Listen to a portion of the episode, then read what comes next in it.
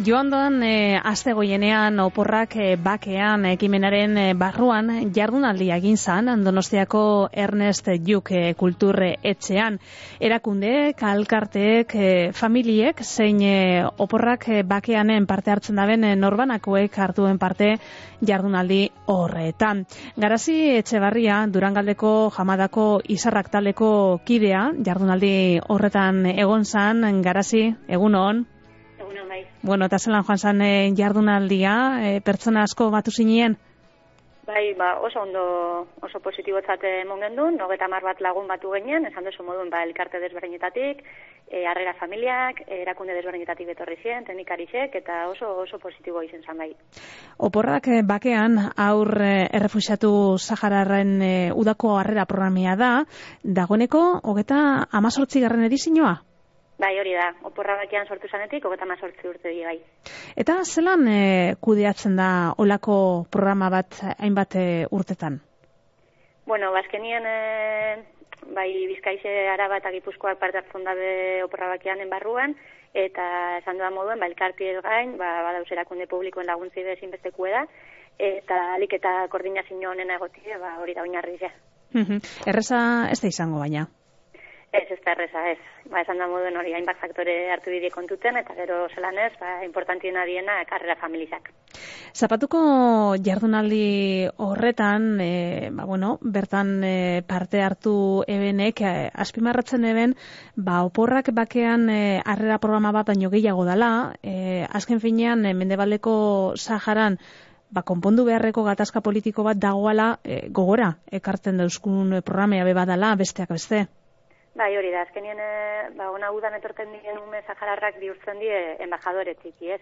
Haure die gogoratzen dozkuenak eta barrio mapan kokatzen da bienak, ba, mende baldeko zaharan, esan dozu moduen dauen gatazka politikua.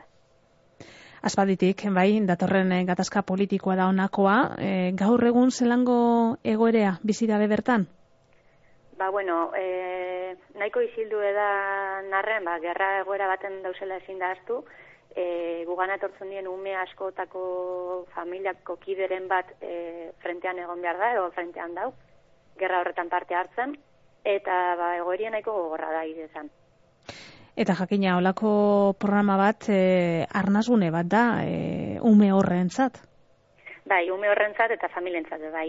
Azkenien e, udan Saharako refusiatuen kampamentutan berrogeta bost e, gradutik gorako temperaturetara heldu aldiez, familia honetan belikadura eta urgabezi handiz egoten da, eta gero ba, ume honeko nekarritxe, bazkenien lortzen dozuna da, ba, mediku dentista okulista azterketak itxas aparte, belikadura horrekatu bat eskaintzie, e, gero beste helburuetako bada, ba, urdi alik eta udarik honen eskaintze ume honeri ez ba, ze, ezin dana da, haurek ba, dekien apurre kontuten hartu teukinarren, ba, hauren familizak zaharan dauzela, kampamentutan dauzela, eta haure posi bizi diela.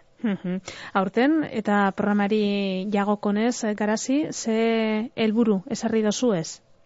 Ba, etxo, e, pandemia garaian, e, gonzan bi urtetako eten aldize, eta e, horren hostien bi urte segondo porra bakia martzan, pimieto geta bizen, eunda berrogeta mairu metorri zien e, eaera, eta igez, eunda laro geta iru gure aurte marko dugun helburutako bada lortzi barrio da pandemia aurretik egotezan umeko purue. Eta aurte marko dugun helburu izango da irureun ume ekartia. E, pandemia aurreko datuak zeintzuk diriziran? Ba, hortik, irureun bueltan, inoz, gehien gehien egon dana, bosteun numera ino izan da. Eta beraz, e, iruren umeri parte hartzeko aukerea eskaini gura izan ezkero, e, familiko puru bera beharko ditzateke? Bai, besta inbeste, bai hori da. Gero, aterpetzetan e, hartzeko baliabidea ben batzutan jartzen dozu ez, ez da? Bai, a ber, bueno, e, guk adibidez, jamadako izarrak eh, durangaldian kokatzen den elkarte bat gara, eta guk arrera famili handi bat osatzen dugu. E, guk talde bat ekartan dugu, zubinez modu, maudaleku formatu bat, edo, bueno, guk esaten dugu familia berezi bagarela. Guk ama bostun mekartzen dugu, zetatanok egoten gara alkarraz e, etxe baten. E, ezagutzen ez da benentzat, zelako esperientzia da aurre Saharar bati ba, zure familian e, arrera egitea? Jo, ba, bitu, e, lehenengo, lehenengo hori, zalantzan dagoen edozein familia, da interesadeko edozein familia, joan daikela inguruko elkartetara, gertueneko elkartetara, edo zantzien oporragakian e, taldien bertan informo daitezela. E, esperientzia oso aberazgarri da, jasoteko asko dekogu emoteko baino, eta normalien errepikatzen dugu ba, danok. Mhm. Honetan parte hartu, hartu dugun danok. Eta jo daigun, ba, bueno, e, famili batek interesa eukileikela, edo, edo salantzatan dabil eta informazioa, ez da, batu gura dau, eta, eta bueno, ba, eretzi batzuk e, entzun. E, zer egin beharko leuke famili horrek? Bai, ba, lehenengo, bueno, sare sozialen bitartez adibidez, oporra bakianen horri aldien bertan informazio guztizia dau, eta bestela edozen zalantza ukin eskero, oporra bakian abildue, gmail.com emailera idatzi, e, zelako kompromiso barik, idatzi, deitu, galdetu, informau eta gero erabaki. E, ezakit, deiren bat e, lusatu gurako zeunken garazi? Ba, mendik, e, bai, animo gureko neuke, dudan dauen jente guzti hori, behintzut informau dekela lehenengotan, zer dan oporra bakian, arrera familizeteko ze bete behar dekogun bakotzak, eta, eta animo daitezela. Benetan, e, damutuko estien esperientzia biziko da berako.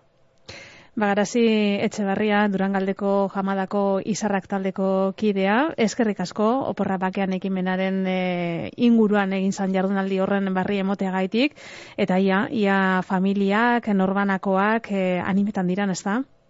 Hori, eskerrik asko zeuei eta holan, aberro landan. Urrengo baterarte, ondo segidu. Egin gabardin, eskerrik asko.